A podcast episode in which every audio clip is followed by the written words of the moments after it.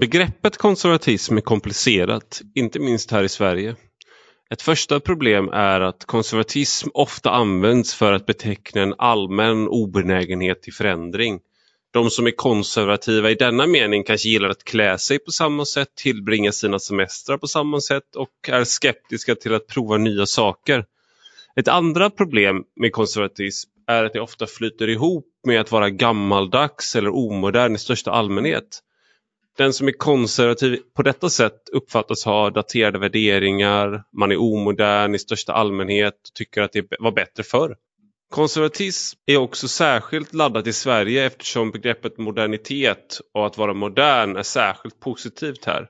Det är nästan liktydigt med att vara bra att vara modern.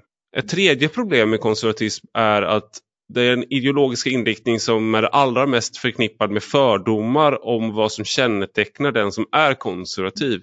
Nidbilden av en konservativ är att det nästan alltid är en man för det första och att denne man är sexistisk, bakåtsträvande, dricker punch, ogillar invandrare och homosexuella och tycker att kvinnor borde stanna vid spisen.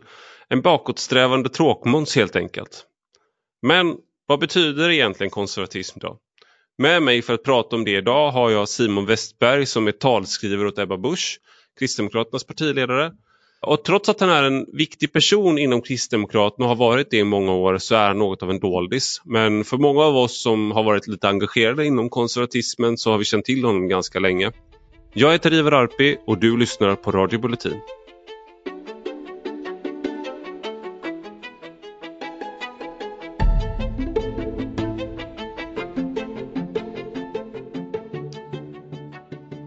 Välkommen Simon Westberg till Radio Bulletin. Tack så mycket. Jag tänkte jag skulle börja eftersom du egentligen så är du ju här för att jag vet att du kan väldigt mycket om konservatism och du och jag har pratat om det eftersom vi känner varandra eh, och du har pratat med många andra om det och du har skrivit en ännu opublicerad bok om det som jag har haft förmånen att läsa. Eh, men du är ju också talskrivare till Ebba Busch. Jag är ju talskrivare åt eh, Ebba Busch Thor till vardags. Eh, jag har en lång bakgrund inom Kristdemokraterna. Jag har jobbat ungefär i 15, 15 år på olika sätt med Kristdemokraterna.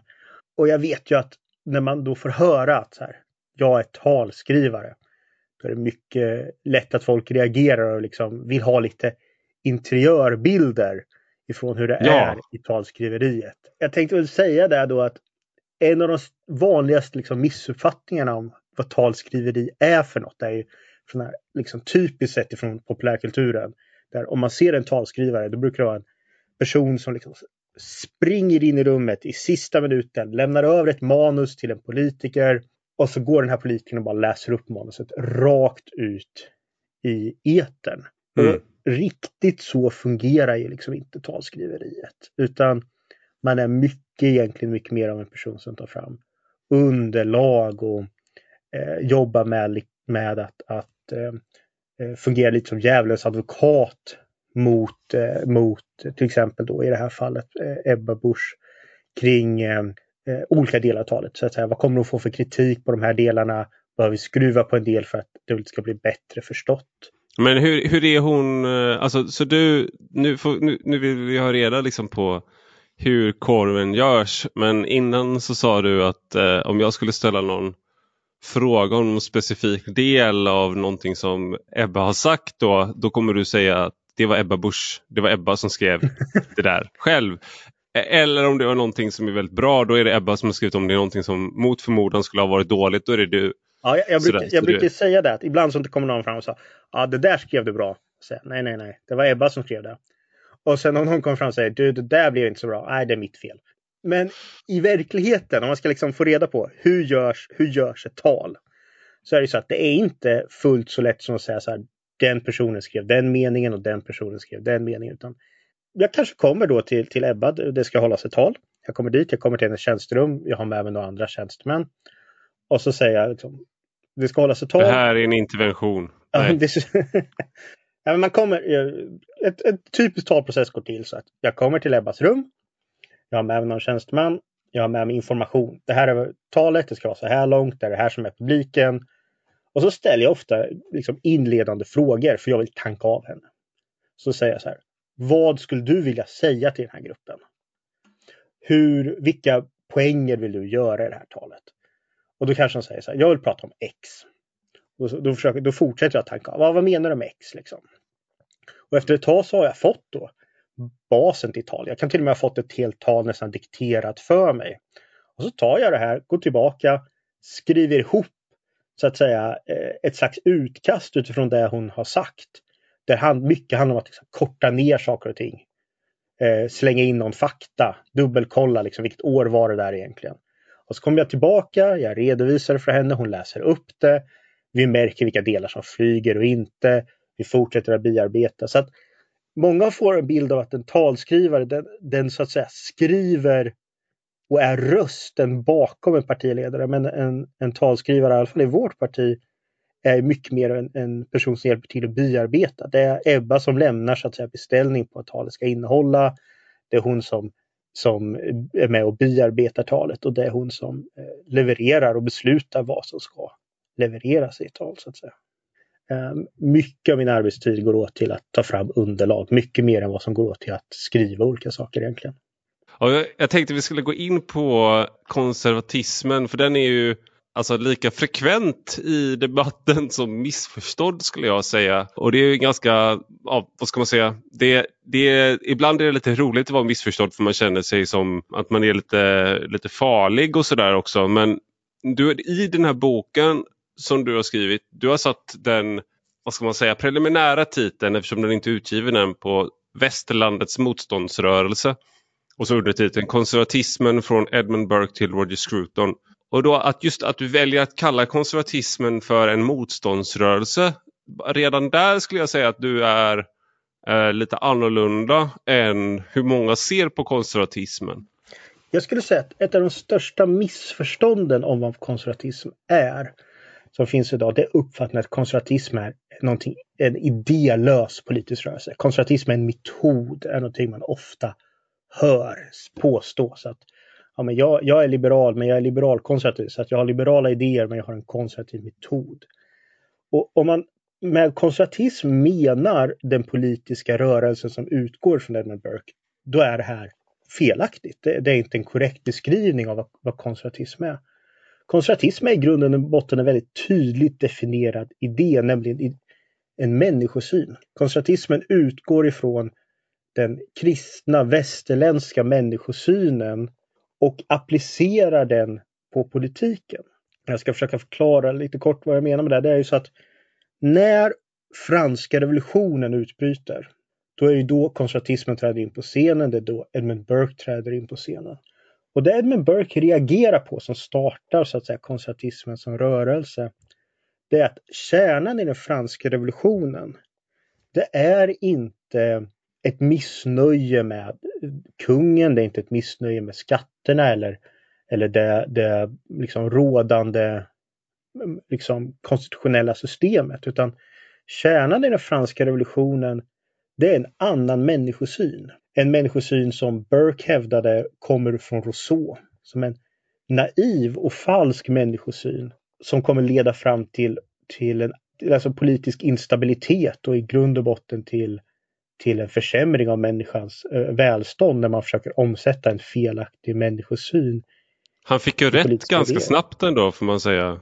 Han om fick, franska revolutionen. Han fick rätt väldigt snabbt. Han var ju väldigt utskattad i början. Det var ju många som sa att Edmund Burke liksom, var en massa galna idéer. Det är klart att franska revolutionen kommer leda till frihet och välstånd. Och så visade det sig att franska revolutionen ledde till eh, omfattande terror, eh, expansiv militär krigsföring när de franska revolutionära idéerna skulle så att säga spridas till omgivande länder.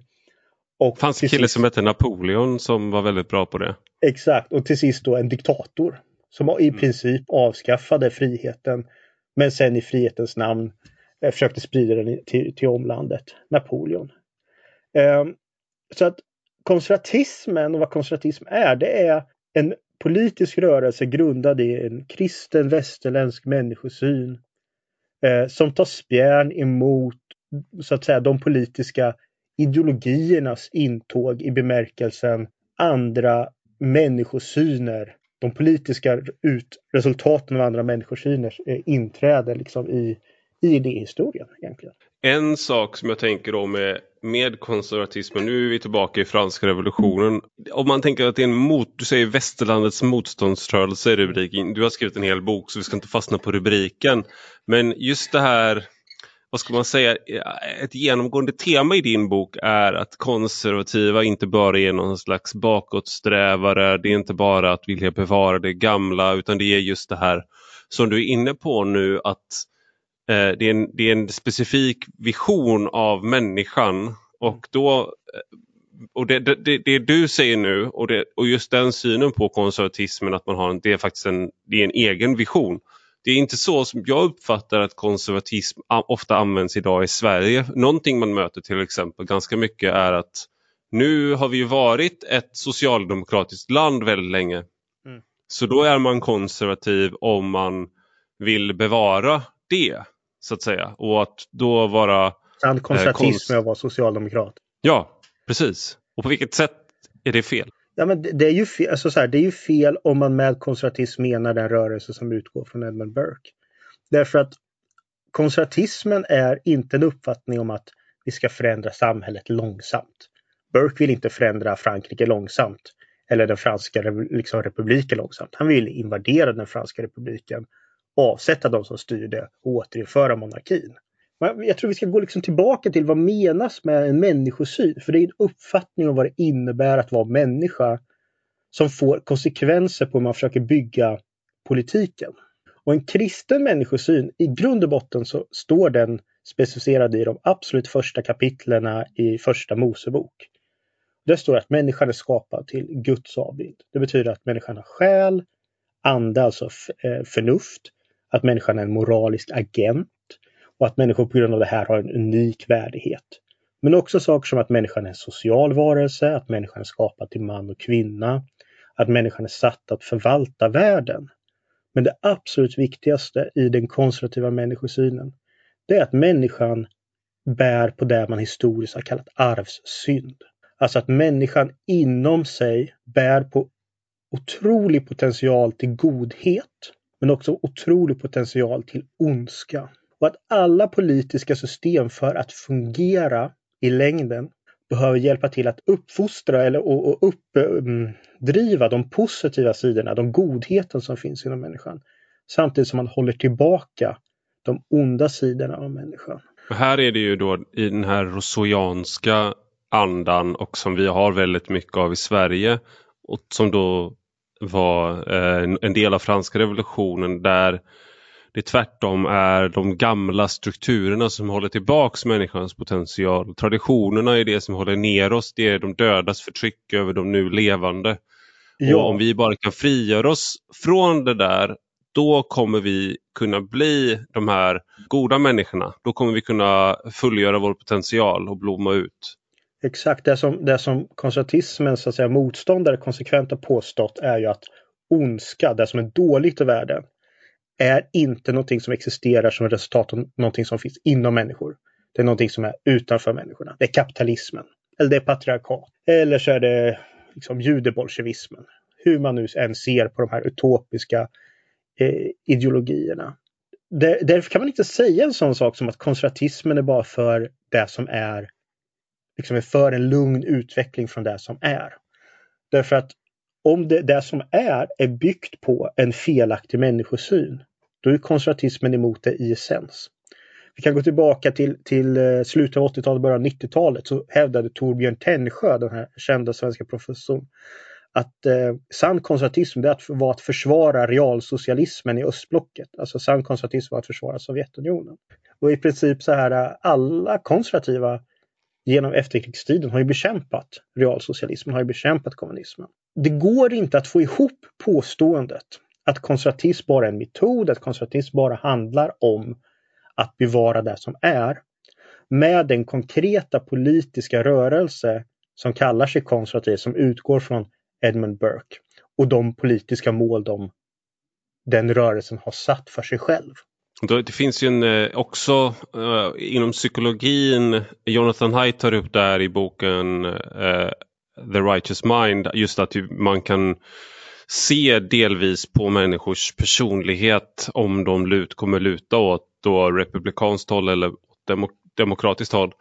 Och att det finns person, personlighetsdrag som kan kategoriseras som konservativa och det kan till exempel vara att man inte gillar förändring på det, e, på det personliga planet mm. och att man, man har vissa av de här attityderna. Men jag uppfattar det som jag har ofta pratat om det här med min, med min fru, men och då att hon är mer konservativ i sin personlighet, men jag är mer konservativ i mina politiska åsikter. För jag uppfattar mig inte som en konservativ personlighet. Mm. Eh, och att det där egentligen då man ibland förväxlar de där två, att man ska ha en viss typ av personlighet, man ska föredra att göra saker och ting på samma sätt om och om igen. Då är man konservativ och annars är man vänster. Men, men i grund och botten, jag tänker på eh, någonting som, som, som du tar upp i boken och som jag vet om Roger Scruton som avled nyligen. Han, han var ju otroligt engagerad i just östblocket med att sprida liksom, fria idéer, sprida idéer om liberalism och, och sådär. Och han var ju konservativ och han ville ju störta kommunismen. Det var ju ingenting försiktigt i det och han tog ju stora risker personligen för det. Och det var ingenting i hans, han kanske hade en konservativ personlighet men i så fall så dolde han det väl när han var på plats i östblocket och förföljdes av Stasi-agenter. Ja, det, jag skulle säga att det är ju det är en missuppfattning detta med att man blandar ihop en konservativ personlighet med vad konservatism är som politisk rörelse. Och den här missuppfattningen är inte bara ett resultat av en missuppfattning i sig utan det är ett medvetet sätt att försöka omtolka konservatismen som görs på vänsterkanten med regelbundenhet.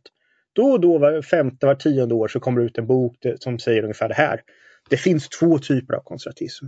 Det finns en snäll och liksom vänlig eh, konservatism som man kan samarbeta med och det är den konservatismen som bara vill att samhällsutvecklingen går lite långsammare.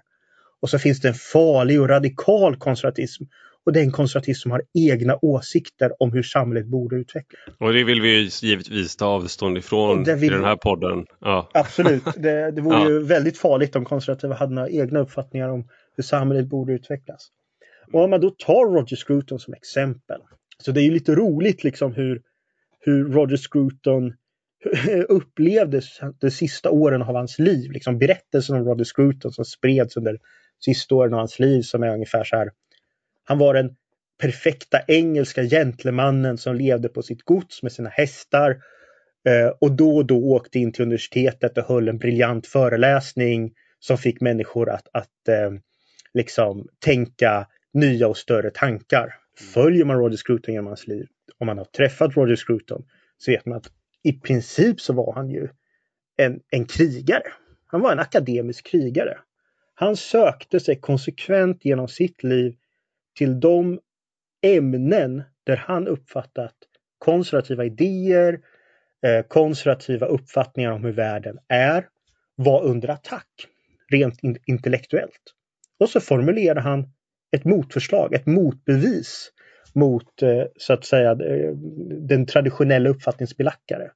Det är därför han skriver böcker om varför man kan bedöma om eh, kultur och konst och säga att det finns bra konst och det finns dålig konst. Han skriver en sån bok därför den uppfattningen är attackerad. Han skriver böcker som berör då invandringen väldigt tydligt. Han kallades ju nazist under hela 80 och 90-talet. Faktum är att det faktum att han kunde köpa ett gods och, och flytta till det, eller gods, en, en eh, bondgård och flytta dit och ha hästar var att han fick ett jättestort skadestånd från en engelsk tidning som hade kallat honom nazist. Han tog de pengarna och köpte sig en bondgård för.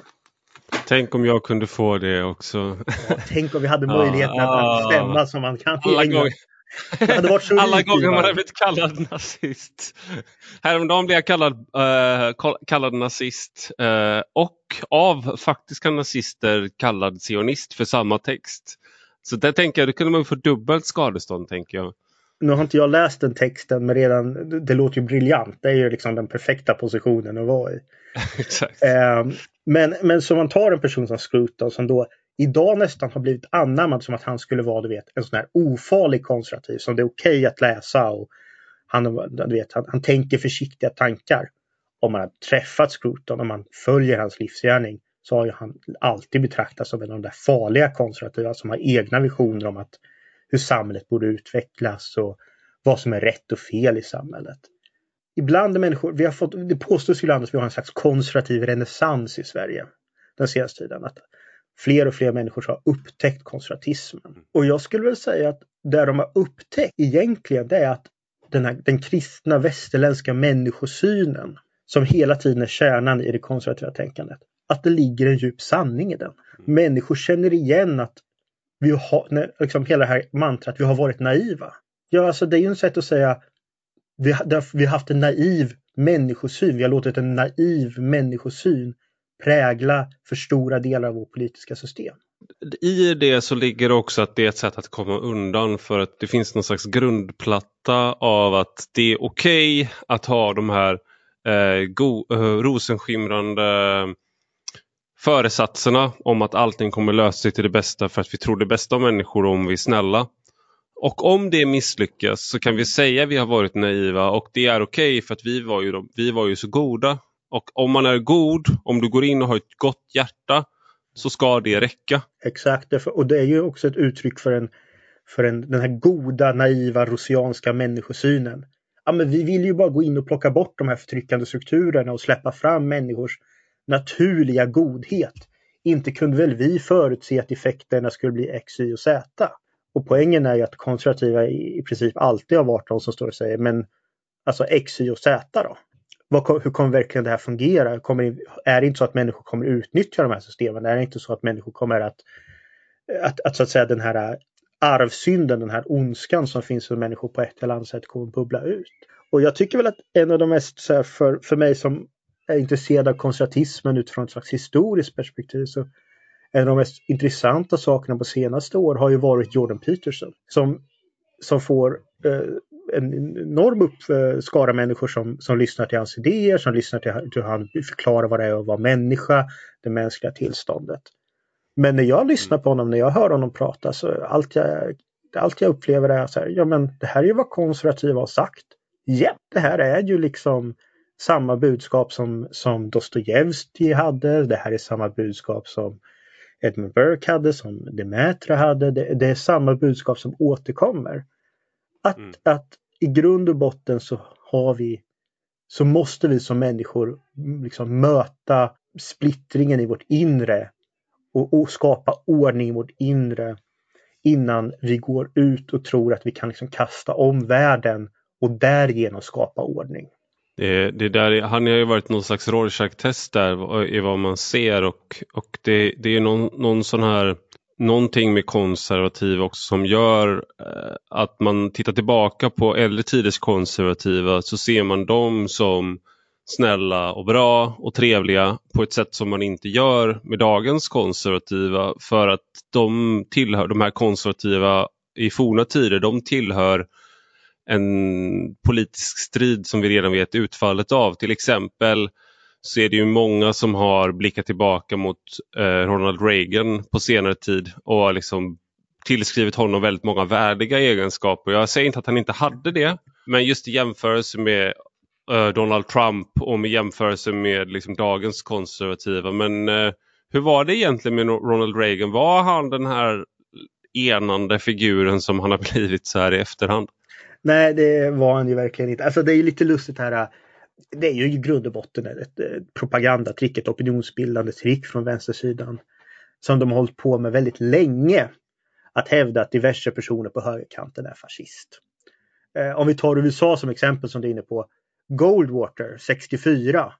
Barry Goldwater. Barry Goldwater. I princip en, en nyliberal, libertarian i sin politiska utsikt när han blev nominerad då sa liksom Demokraternas guvernör i Kalifornien att han kände en doft av fascism i luften. När Nixon eh, begärde omräkning av rösterna i Chicago, en enormt korrupt stad där det sannolikt pågick röstfusk, då sa borgmästaren i Chicago att, att det här är ju så som Hitler håller på och begär omräkning. Och när, när Reagan blev nominerad så var det en ledande demokrat som sa att Reagan, han vill ju byta ut vår konstitution mot stycken ur Mein Kampf ord för ord. Mm. Och när George Bush... Till... Och han kommer starta, och han kommer starta kärnvapenkrig, denna, denna cowboy. Gud ja, Gud, ja. Mm. alltså det är så fantastiskt. jag uppmanar alla som har möjlighet, alltså gå tillbaka och läs vänsterns böcker från slutet av 70-talet. Hur de beskriver Thatcher, hur de beskriver Reagan, hur de beskriver Kohl och Strauss i Tyskland. De hävdade ju då att, att liksom världen inte bara var ett halvt steg ifrån fascism. Det var ju också så att när som helst nu så skulle ju liksom den här galna cowboyen trycka på knappen och spränga oss alla i världen. Så här då, eh, väldigt många har ju eh, i USA varit upptagna med diskussionen om Donald Trump verkligen ska kategoriseras som någon som är konservativ. Han har inte direkt varit gynnsam för konservativa på ett sätt i att man kan beskyllas för att gå så att säga Trumps ärenden eller att vara som Trump. Det har blivit ett som ett sånt där, man kan fylla ut någon genom att kalla dem Trump. Men då vill jag fråga dig också, hur uppfattar du det? Är han en konservativ person? Är han en del av den konservativa ideologin så att säga? Vi, vi, vi förpackar all information vi har om Donald Trump, vem han är, hur han kom till makten, vad han gjort för makten. Och sen så gör vi en, en låtsastidsresa tillbaka till, till slutet av 1700-talet och så presenterar vi det här för Edmund Burke, för Demetre, för Fredrik Julius Stahl och så frågade vi dem vad är det här för person? Vem är det här? Och jag tror att de skulle svara eh, två saker. För det första skulle de säga att det här är en demagog. Det här är en person som har tagit sig till makten genom att uppelda massorna. Och det andra de skulle svara är att det här är en tyrann. Och det kan låta ganska eh, provokativt för att i vår eller onödigt provokativt. För i vår värld så tänker man på tyranner i termer av personer som, som är eh, eh framför allt liksom leder envåldsstater där man med väldigt mycket repression, väldigt mycket godtycke, vem som får leva och vem som dör beror på liksom tummen upp, tummen ner från tyrannen. Men för personer som Burke och för Mätre så är tyranner personer som i första hand har, lever och styr för sig själv. För sina egna intressen. Deras styre går inte ut på att göra saker och ting bättre för andra eller de har ingen ideologi. Deras styre framförallt handlar om att de själv vill berika sig själva, de vill få uppmärksamhet, de vill omge sig med psykofanter. Som, om man som liksom från ett konservativt historiskt perspektiv tittar på Trump och tittar på honom lite utifrån så är det uppenbart att det här är en person som framförallt är intresserad av sig själv, eh, se, eh, liksom ge sina barn bra positioner, berika sig själv. Han låter staten ta in på sina egna konferensanläggningar för att få mer pengar. Och till sist så är han inte beredd att ge upp eh, denna liksom position, lyxiösa position han lyckats skapa åt sig själv som president. Han är egentligen inte ute efter att styra med någon annan någon annans intresse. Men det som är lite extra intressant med tyranner är ju att så länge man inte stör tyrannerna så kan man egentligen få göra lite vad man vill. Och det är det som det republikanska partiet har gjort. Man, man har låtit Trump vara tyrann. Och i utbyte har man kunnat göra lite vad man vill. Man har kunnat tillsätta tre Supreme Court Judges, man har kunnat driva igenom skattereform, man har kunnat göra massa beslut man inte hade kunnat göra om Trump var mer aktiv det är ju bara att erkänna att liksom, människor som är konservativa är som alla andra människor. Det finns en potential till godhet och det finns en potential att ta enkla vägar ut. Och i det här fallet så skulle jag säga att Republikanerna har, har funnit sig att men vi, vi har nu en, en person, en narcissist i Vita huset och vi tänker passa på att använda detta för att driva igenom några av våra politiska målsättningar. Och jag tänkte fråga dig lite mer generellt om högerpopulism. Mm. Just Scruton har ett bra citat där han säger att populism är ett ord som används av vänstern för att beskriva känslor hos vanligt folk när de inte är vänster. Så hur förhåller sig konservatism till populism? Jag tycker att populism, det är också ett ord som har så enormt olika innebörd för olika personer. Vad man menar med liksom, ordet populism. Och idag så är det fram, i Sverige är det framförallt ett skällsord. Det är skällsord nästan så att det ersatt begreppet demagog. Det är populism tycker jag. Konservatismen till skillnad från vad många tror har ju generellt sett varit en folklig rörelse eller en rörelse vars opinionsbildande kraft byggt på stöd i breda folklager. Mm. Eh, det är intressant att notera att Edmund Burke, när han skriver sin Reflection on the Revolution France till exempel, så mm. blir han ju utstött från det politiska etablissemanget.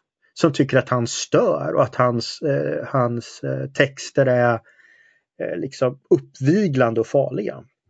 Men hans bok säljer ju mer än vad, vad alltså säljer, så ju försäljningsrekord. Jag vet inte om det finns någon bok politisk bok, politisk pamflett som säljer så bra som Edmund Burkes under denna tid. Därför han vänder sig till det stora folkflertalet eh, när han vill förklara för dem vad han står för. Den tidens crowdfunding så att säga. Han skaffade sig fuck off-kapital via folket. Um, det gjorde han inte. det ska jag inte uh, utan han, han var nära att förl han, han förlorade i praktiken sitt levebröd. Han var ju en politisk tjänsteman uh, och han uh, valde att skriva den här boken därför han tyckte det var så viktigt. Och mm. effekten blev att han förlorade i princip sin lön. Sen när det visar sig hur, hur mycket av det han förutspådde som var rätt och hur farlig den franska revolutionen var framförallt för Storbritanniens nationella säkerhet. Då blev han ju återupprättad. Och fick ju, fick ju tillbaka eh, sina positioner. Och uppnådde ju ganska många av sina politiska mål.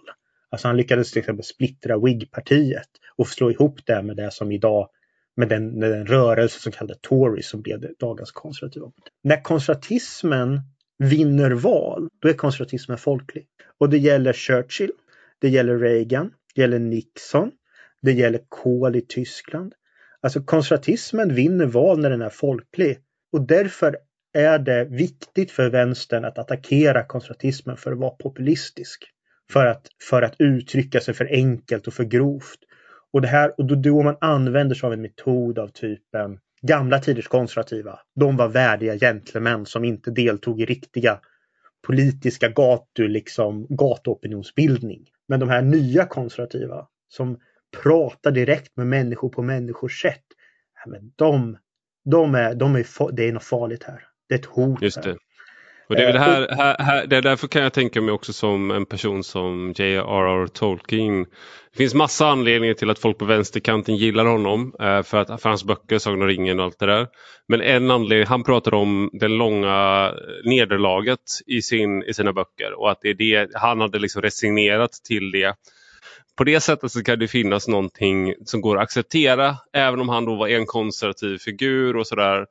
Uh, så då är det ändå någon slags, det är okej okay att gilla alver och dvärgar och svärd och drakar och ringar och allting. Uh, för att uh, han var ändå en konservativ som var införstådd med att han skulle förlora i slutändan. Att, att jag, jag, jag hårdrar det lite. Ja, till skillnad från C.S. Lewis som var en, en konservativ som, som absolut inte var beredd att lägga ner sina vapen. Eller Nej, han, skrev mycket, han skrev mycket sämre böcker dock. Narnia-böckerna är mycket sämre än Sagan om ringen. Men, men han var en, en väldigt äggande skribent på, på andra sätt. Mm. Och även T.S. Eliot eh, som eh, många modernister eh, hyllar för hans eh, litteratur är ju mycket konservativ i sin politiska åskådning. Och i princip utsåg han ju Russell Kirk, den, den stora konservativa tänkaren under efterkrigstiden i USA till till sin efterföljare, så att säga, den som skulle bära vidare hans arv till exempel. Men även på den tiden så betraktar man ju då de här personerna som, som, som farliga så att säga. Det, jag, jag, kan ju ta ett exempel från Sverige för att veta liksom, hur har det låtit tidigare i Sverige. Ta Palme till exempel. Det, finns ett, ett, eh, det är roligt att läsa Palmes gamla tal. Han är en duktig retoriker. Han är en slipad retoriker. Men han är också han är riktigt ful i sin propaganda. Eh, han har ett tal till exempel där han säger så här. Hayek Vet ni vem han, han gillar ju Moderaterna. Moderaterna gillar Hayek. Vet ni vilka ver som gillar det? Gillar Hayek? Jo, de här tyska ekonomerna. Och vet ni vad de här tyska ekonomerna gjorde under kriget? Ja, de var såklart nazister. Så då förstår vi att den som gillar Hayek, vad är han egentligen? Så att här... skrapa, lite, skrapa lite på nyliberalen. Exakt, så kommer du hitta en, hitta en fruktansvärd fascist. Vad är då konservatism? Vad är det de här konservativa personerna vi har pratat om här vill? Och då är det så att det här kommer ju variera lite med tiden. Därmed har ju vissa rätt. Så konservatismen har inte ett färdigt system, ett färdigt politiskt program som ska implementeras i varje land oberoende av liksom, omständigheter. Men däremot så har konservatismen ett antal uppfattningar om så att säga vad människor behöver för att kunna skapa sig ett gott liv. Mm. Och då handlar det om sådana saker som man behöver möjlighet att arbeta, man behöver möjlighet att bilda familj, man behöver leva i gemenskap med andra, man behöver känna trygghet. Och generellt sett så är konservatismen en ideologi byggt på decentralisering. Att det är det som Edmund Burke kallade samhällets små plutoner där besluten ska tas. Och mycket av konservatismens stridigheter Eh, under de senaste, ja sen egentligen som konservatismens bildande, har varit emot försök till centraliseringsiver. Till exempel så är det många som missuppfattar att, att när konservativa drivit liksom, politisk opinionsbildning mot välfärdsstaten så har det oftast tagits som ett intryck för att konservativa är emot välfärdssystem.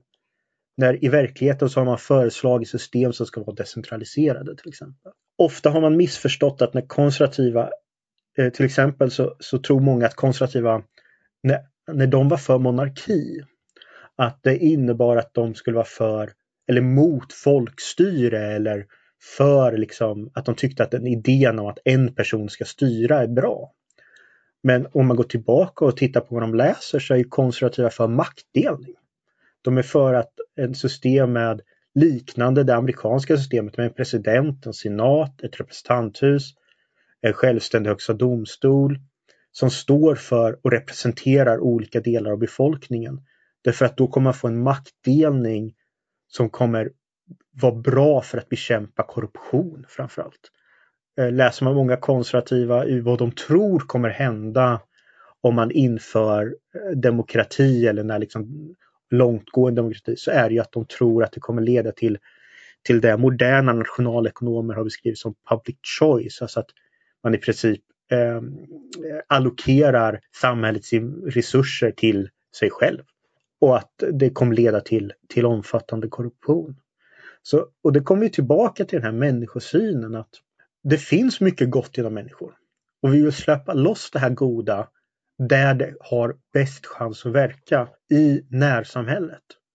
Men vi, vill, vi behöver hela tiden begränsa möjligheten för människor eller för enskilda eller för partier eller grupperingar att på ett central nivå eh, försöka genomdriva en agenda som ofta gynnar dem själva till exempel. Jag tänkte vi ska byta spår lite här. Jag håller på att läsa en eh, bok av en författare som heter Ross Douthat. Jag vet inte hur man uttalar hans namn. Eh, han är bland annat kolumnist på New York Times och konservativ. Och han har skrivit en bok som kom ut i februari 2020, så för ett år sedan ungefär, det, eh, som heter The Decadent Society How We Became the Victims of Our Own Success. Och då handlar det såklart framförallt om USA men det är om hela västvärlden egentligen. Och han väger ihop olika faktorer, till exempel ekonomisk stagnation, att vi te teknologiska framsteg går långsammare eller om de har stannat av helt och hållet på många områden. Eh, vi har politiska system som blir allt mer låsta och det har att göra med eh, sådana personer som eh, Donald Trump men det har också att göra med att vänstern och högern låser varandra. Eh, vi har också en kultur som känns allt mer utmattad och vi har också en demografisk utmaning. Nu pratar jag inte om eh, invandring framförallt utan också om att vi föder allt färre barn så vi får färre och färre unga människor. Vi har åldrande samhällen. Och ett exempel som han tar som jag, tror är, som jag tycker är ganska talande är att det, vi har filmfranchises som det om, totalt eh, som återanvänds om och om igen. Så vi har omstarter på Star Wars, på Star Trek, på Terminator. Eh, vi har eh, Westworld som är en, bygger på en gammal film. Vi har Battlestar Galactica som kom. Alltså det, man återanvänder hela tiden. Eh, och att vi då på något sätt vi är fast i en tröttsam remixkultur för att vi förmår inte längre att skapa något nytt. Och ett exempel han tog då var just Star Wars där de första filmerna, eh, Episod 4 till 6, då tog George Lucas referenser från Flash Gordon, från eh, stora, storfilmer från förr, från eh, religiösa budskap som folk då på 70-talet fortfarande hade en referens till. Eh, men när man har gjort de här remakesen på Star Wars då är Star Wars eh, sin egen referenspunkt så att säga. Så det man gör är att man refererar tillbaks till de filmerna. Men man anknyter inte till de här större teman som de första filmerna gjorde. och då blir det som han beskriver det som att det, det är som utomjordingar som har kommit till jorden och försöker göra en film som människor ska tro är gjord av människor ungefär. Just det, det är viktigare att sagt, Chewbacca får ett cameo appearance än att man har en bra story. Ja, exakt och det är det här som är det dekadenta samhället då på något sätt att vi är Vi är trötta, vi är utmattade, vi förmår inte skapa något nytt och vi förmår inte skapa nya av oss själva. Vi gör inte barn eh, och vi lyckas inte komma vidare i politiken, i teknologin. Det, jag tycker det är, ja, det är en väldigt dyster bild. Det är en dyster bild. Det är roligt att, jag ska ge dig, när du pratar om det här så, så kommer jag på att tänka på en sak som varit min så här pet peeve. Och det här kommer vara ett löjligt anekdotiskt exempel på fenomenet du pratar om. Men jag brukar varje år när GB Glass nya affisch kommer ut reagera på att den kreativa, kreativa kraften i det här bolaget verkar ha gått ner till noll. Alltså när jag var barn då var det så att varje år när det var liksom så här så skulle det komma nya glassar. Då försökte de lansera egentligen ett nytt liksom varumärke, någonting man skulle prata om. Det var liksom en grodglass eller en raketglass eller något liknande. Men nu så är det i princip så att man kan liksom förutse varje år vad som kommer hända. Ja, du kommer ha liksom årets film huvudkaraktär omgjord till glass. En ny variant av eh, Magnum Magnum, liksom Magnums eh, den här Magnumsmaken och du kommer ha liksom nu kan du äntligen få liksom en Nutella-glass om det är liksom det som är årets trend. Det finns ingen liksom vilja att skapa något mer. Jag vet inte om vi ska dra för, för, för stora ja, växlar på det här. Det här, känns, det här känns jättebra. Det här känns helt relevant. Men jag tänker, men då har man ju också faktiskt gjort sådana här remixar av gamla glassar. Så man återintroducerar glassar som var populära ungefär när vi var barn då. Just det, och 88 blåbär istället för att göra nytt med blåbär. Ja. Exakt. Och att man då, så du tar någonting. Men då tänker jag också så här att nu, för att inte låta som eh, konservativ glassgubbe då, så tänker jag, är det inte tvärt? Men är det inte egentligen så, om, om jag skulle gå på klyschan här så borde inte du vara sur över att det saknas eh, kreativitet från GB Glass här utan du borde tycka att det är fantastiskt skönt att det inte kommer en massa nya jävla glassar vi behöver inga nya jävla glassar. Vi behöver bara våra gamla glassar för de är redan bra. Pistageglass. Pistageglass, bara pistageglass. Bara pistageglass, det är för den gamla ja. glassen. Jag tror att det, då kan vi komma tillbaka till någonting som jag försökte prata om lite i början men som jag tappar bort på vägen. Det är att det konservatismen vill är ju inte att ha en långsam samhällsutveckling. Eller att samhällsutvecklingen ska vara eh, konstant. Det konservativa vill ha är ju en organisk samhällsutveckling. Det vill säga att samhället ska inte utvecklas uppifrån genom politisk mekaniska beslut. Utan underifrån genom att miljontals människor i sin vardag tar olika beslut i, som individer eller i företag och liknande som gör att samhället hela tiden blir bättre. Så, så skulle jag väl säga så att när, när ett företag då är så här, det viktigaste är att vi nu omsätter frost i en glass. Då är det ett uppifrån perspektiv. Man går upp och säger så här. Vi har noterat att Frost fungerar bland barn. Nu ska vi ta fram en, en glass som vi säljer till barn som heter Frost. Eh, gör det. Istället för att göra underifrån. Okej, okay, hur tar vi fram en bättre glass? Hur tar vi fram en ny smak? Det här är ett otroligt löjligt sätt att diskutera det här på. Men eh, nu, nu fastnar vi för det, så nu gör vi det i alla fall.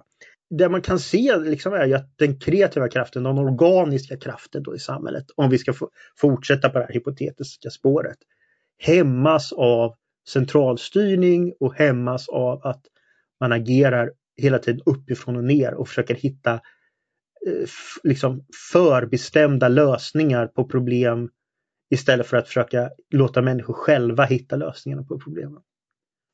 Eh, just, just det här med att vi är fast i eh, stagnation, det tror jag är någonting som spontant att en del skulle då tänka som sagt att det är det är något någonting konservativt men det man egentligen vill är ju att lösgöra människors eh, kreativa kraft och inte att de ska vara förutbestämda av eh, oavsett om det är då människor i ett stort företag som öser in alla pengar i någonting som är bekvämt, som är samma som Star Wars eller Star Trek så man tänker att här är en storfilm, här kan vi satsa mycket pengar fortfarande och veta att vi får ut någonting istället för att våga satsa på något nytt.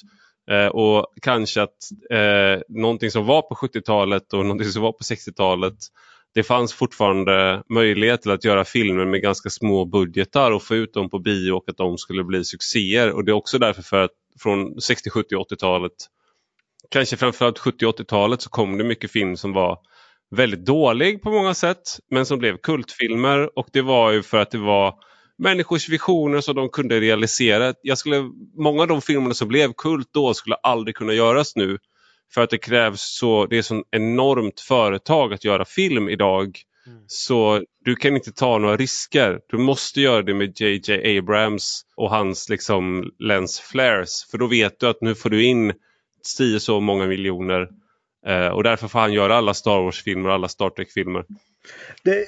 vi kan gå tillbaka till eh, Roger Scruton. Han, han skrev en gång en, en, eh, bra bok där han lyfte fram att det finns en liten gnutta sanning i de flesta politiska idétraditioner.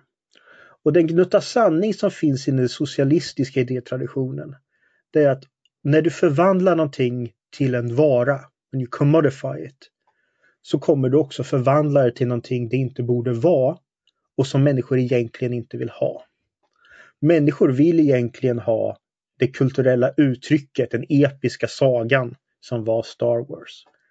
Men det, när det omvandlar till ett kommersiellt projekt, du kommodifierar det, så förlorar det egentligen sin dragningskraft. Sin, och människor kommer kanske köpa det men det kommer inte ge dem den känsla av den, den känsla, den kulturella upplevelsen de egentligen söker. Och det här går ju också tillbaka till liksom den kristna eh, människosynen som jag inledde med att människan har inte bara då ett förnuft då, utan till exempel en själ. Och att den här själen längtar efter att få uttrycka sig och längtar efter att få se andra uttrycka sig. Och det är det kultur är i sin bästa form. Ett eh, uttryck för eh, människors själsliv. Jag tänker, nu har, vi, nu har du varit en god kristdemokrat hittills och pratat om kristendomens roll och sådär. Men kan man då, hur förhåller sig kristendomen till konservatismen? Kan man vara konservativ utan att vara kristen till exempel?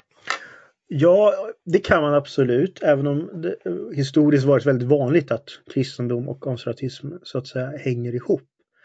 Men man kan ju vara det på det sättet som till exempel eh, Roger Scruton var ju inte kristen.